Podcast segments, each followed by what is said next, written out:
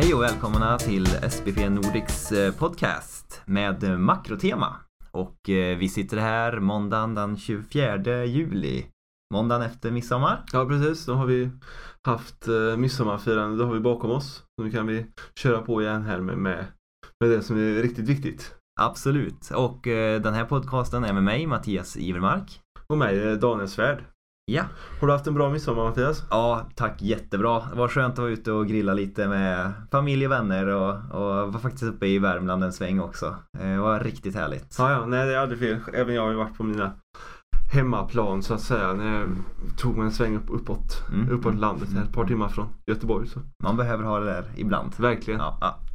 Men eh, ja, eh, vi tänkte i alla fall temat för det här makropodden kan ju bli lite mer, ska vi säga, löpande nyhetsrapportering angående bostäder och sånt. Absolut. För att eh, någonting som jag ofta slås av är att bostadspriser ofta får väldigt stor plats i media. Ja, det, det är ju slående så tycker jag i alla fall periodvis. Mm. Man är ju ganska duktig på i allmänhet när det gäller just affärs och finansmedia eller media i allmänhet. Så, så är, det är ju lite av, utav ett eh, enäggt eh, cyklopbeteende kan jag tycka ibland. Mm. Att när man väl hittar någonting som, som är hett då skriver man bara om det. Mm. Och antingen så är det jättebra, börsen rusar, nya all time highs eh, vecka efter vecka.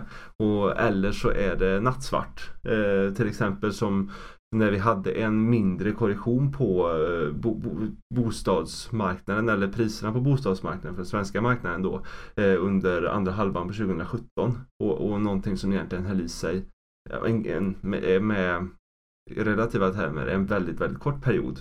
Sett till vilken marknad det handlar om så fick det oerhört stort eh, medialt spelrum. Mm. Och det är lite intressant att titta på varför, varför får det och varför får just eh, bostadspriserna så, stor, eh, så stort spelrum i, i media? Mm. Vad, vad tror du att det beror på? Har du någon spaning där? Ja men lite, lite grann så tror jag det handlar om att eh, till stor del så är eh, ju den svenska befolkningens eh, tillgångsmassa en mycket stor del utav tillgångarna representeras ju av just eh, den egna, egna bostaden. Mm. Eftersom det är ju många som äger eh, sin egna bostad också och det är också den enskilt största investeringen som vi har pratat om, om i tidigare avsnitt som, som väldigt många gör.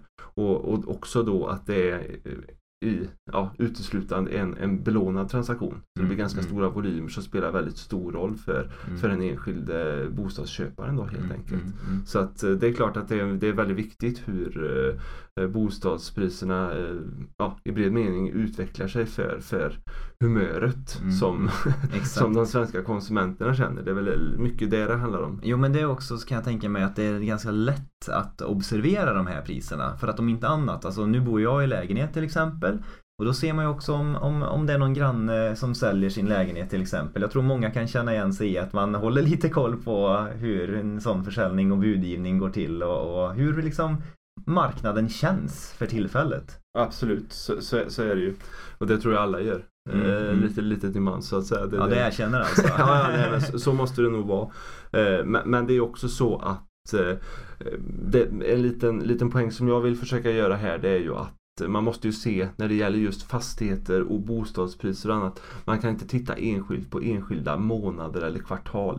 Alltså man måste kunna se eh, se lite grann det längre perspektivet. Mm, lyfta blicken lite Ja. grann. Och när det då till exempel ble, blev som när vi hade en eh, korrektion som höll i sig eh, ja, sex månader ungefär under slutet på 2017 och en bit in på 2018 och, och man mer eller mindre kunde läsa hela finansmedia om att eh, slutet var nära. Eh, Mm. så, så, så tycker jag att då finns det en väldigt stor eh, stor vinst i att kunna zooma ut lite grann. Mm. För om man tittar, tar fram en, en långsiktig graf och tittar på hur bostadspriserna har växt Mm. så, så ser det här ut som en liten, en liten tick neråt Mm. i grafen och det är liksom ingenting som, eh, som, som kommer att, att mynna ut i något katastrofscenario. Mm. Och mycket riktigt nu så, så efter den här lilla nedgången, nu har man ju eh, efter att marknaden stabiliserat sig först och, och, men nu har vi också kunnat på senare tid äta tillbaka eh, drygt hälften av den, eh, den nedgången som, som var så, så väldigt omskriven. Ja, det. Och det perspektivet tycker jag är, är väldigt viktigt. Mm. Mm.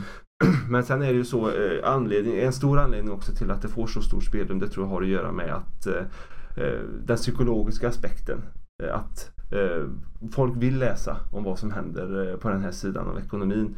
Och eh, allmänhet, eh, konsumenter känner sig rikare alternativt fattigare beroende på Ja. hur värdet på deras eh, bostad utvecklar sig över tid.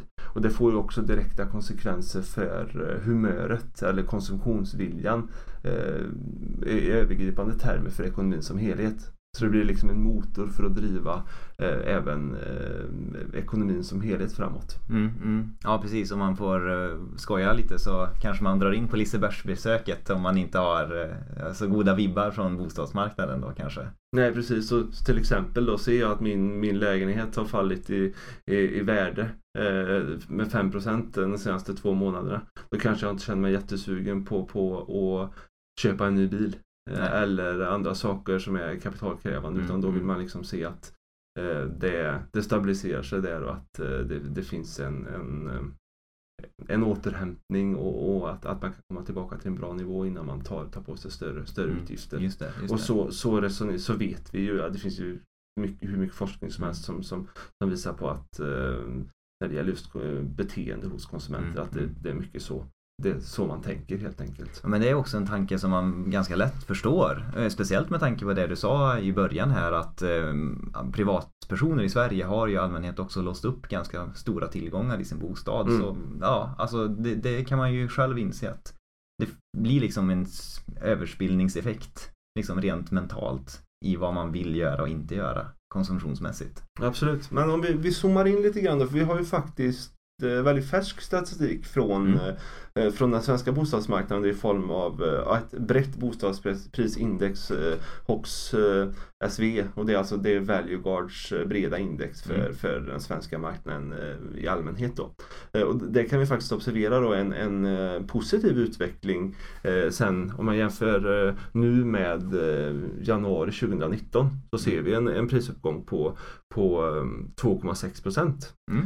Eh, Och eh, man, det som också är intressant här är att man ser att antalet transaktioner, alltså genomförda transaktioner på, på eh, bostadsmarknaden ökar också eh, ganska kraftigt. Och under maj nu i år så var, var antalet eh, genomförda transaktioner hela 37% högre än eh, genomsnittet under de föregående tre månaderna. Jaha, Så okej. vi ser alltså i kombinationen med att eh, volymen på marknaden stiger i kombination med att eh, priserna stiger. Mm. Eh, det signalerar ju att eh, det, är en, det, det är en bra, eh, ett bra tryck i, i, i svensk, svensk bostadsmarknad just nu. Det kanske man känner igen lite grann faktiskt från, vad ska jag säga, börshandel med mera. Att om man ser en prisuppgång kopplad till hög volym Mm. så är det oftast en väldigt positiv signal. Ja, det är exakt just det, det, det Ja. fenomenet som, Ja. som ligger bakom även här.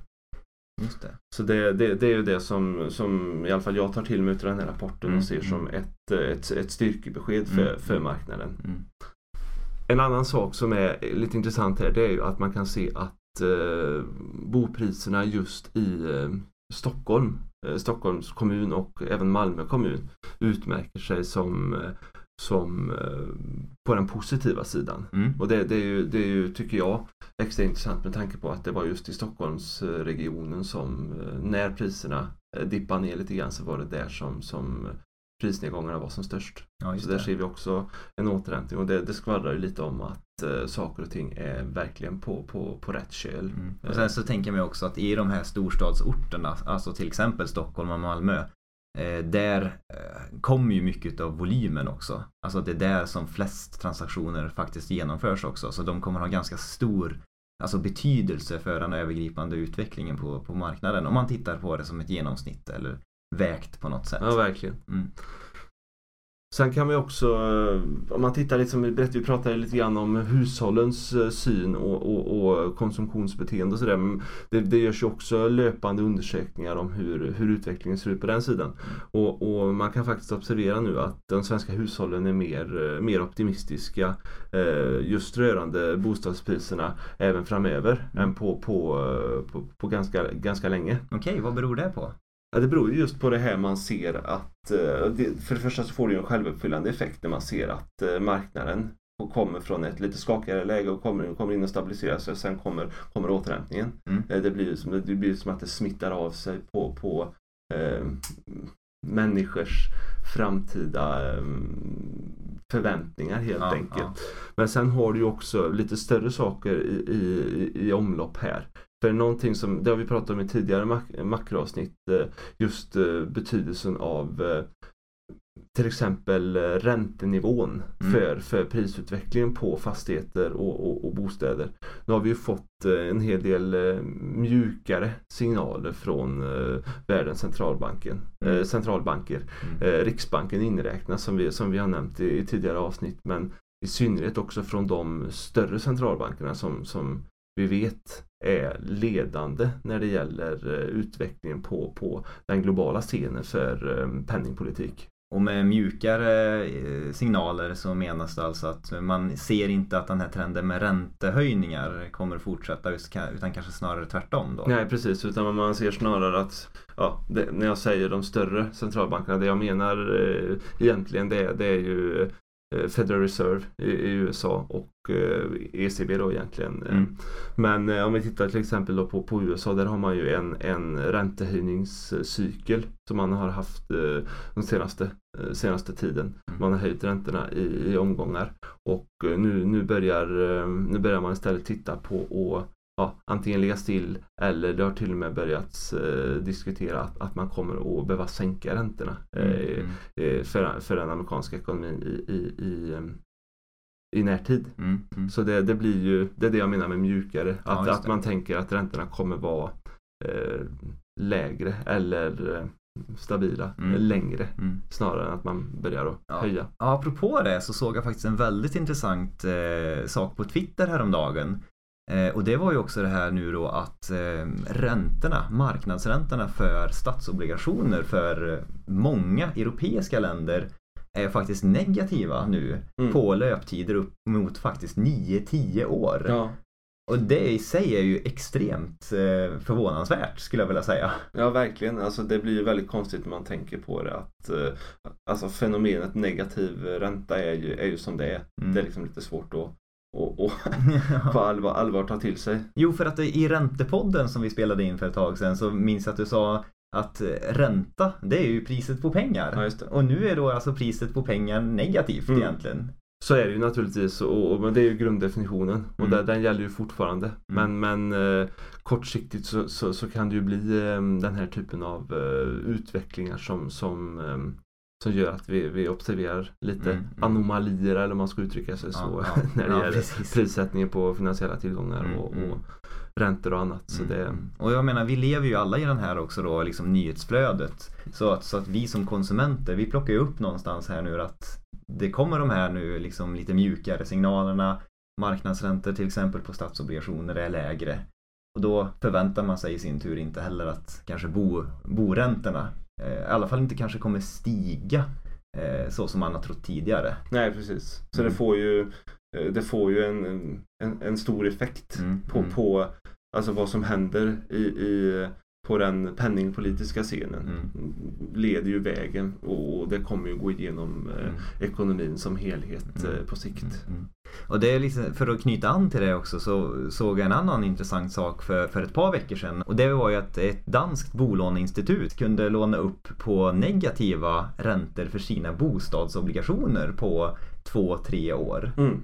Och det är också någonting som är, är ganska så här ovanligt Ja, man men då- säga. När man ser sådana saker då, då får man ju lov att höja på ögonbrynen Mm, i alla fall. mm, och, mm. och Sen finns det alltid förklaringar till varför det ser ut sådär. eh, Mm, mm. Men Ja, ja, det blir väldigt specifikt här då liksom på vissa länder eller vissa, vissa institut. Men vad jag menar är lite grann att det liksom knyter an till de större marknadstrenderna. Mm. Om vi nu liksom zoomar ut lite grann så ser man att det är faktiskt så här läget är just ja, ja, nu. precis. Ja.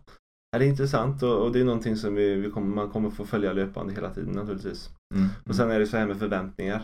Eh, ibland så infrias de, Mm. ibland infrias de inte alls. Nej. Och man, man kan ju bara ha en åsikt om vad man tycker om eh, rådande förväntningar. Mm. Men det behöver vi inte eh, grotta ner oss så mycket i här och nu Nej, tycker jag. precis, precis.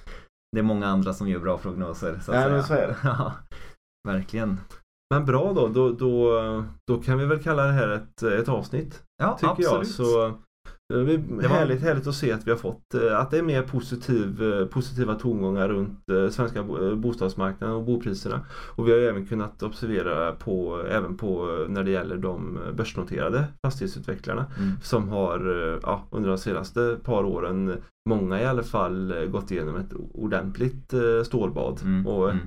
det har väl kanske inte varit så där munter läsning för de som har haft eh, aktieägarintressen i just de bolagen. Mm. Men vi har ju faktiskt just nu kunnat börja observera en, en viss vändning och en, Mm, en mm. optimism även på den sidan. Ja, precis. Och, och samtidigt då kopplat med att eh, eh, vi ser ett eh, stort behov för bostäder även framöver och, och eh, såg en uppskattning också att eh, vi saknar faktiskt i, i det här landet ungefär 160 000 bostäder på Mm. lite sikt. Ja, ja visst. Och det är någonting som kommer sig av att det finns en stor efterfrågan på bostäder just på grund av befolkningsökning till exempel. Mm. Nej men det märker vi av med, med Mm. våran verksamhet också. Det är Mm. är stort intresse för att eh, bygga Mm. och få in många intressanta projekt. Så det kommer komma här eh, i stridström på, på plattformen här eh, i närtid. Så Mm. det är bara att hålla utkik där och, och titta om man hittar något Mm. som man tycker ser intressant ut och vara med och, och bidra till.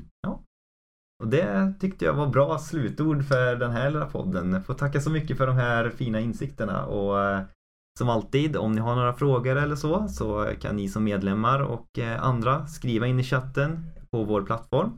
Så eh, kan det hända att vi tar upp det som en fråga i ett avsnitt framöver. Absolut, det, det uppmuntrar vi till. Ja, tack så mycket för idag. Tack. Hej då. Hej.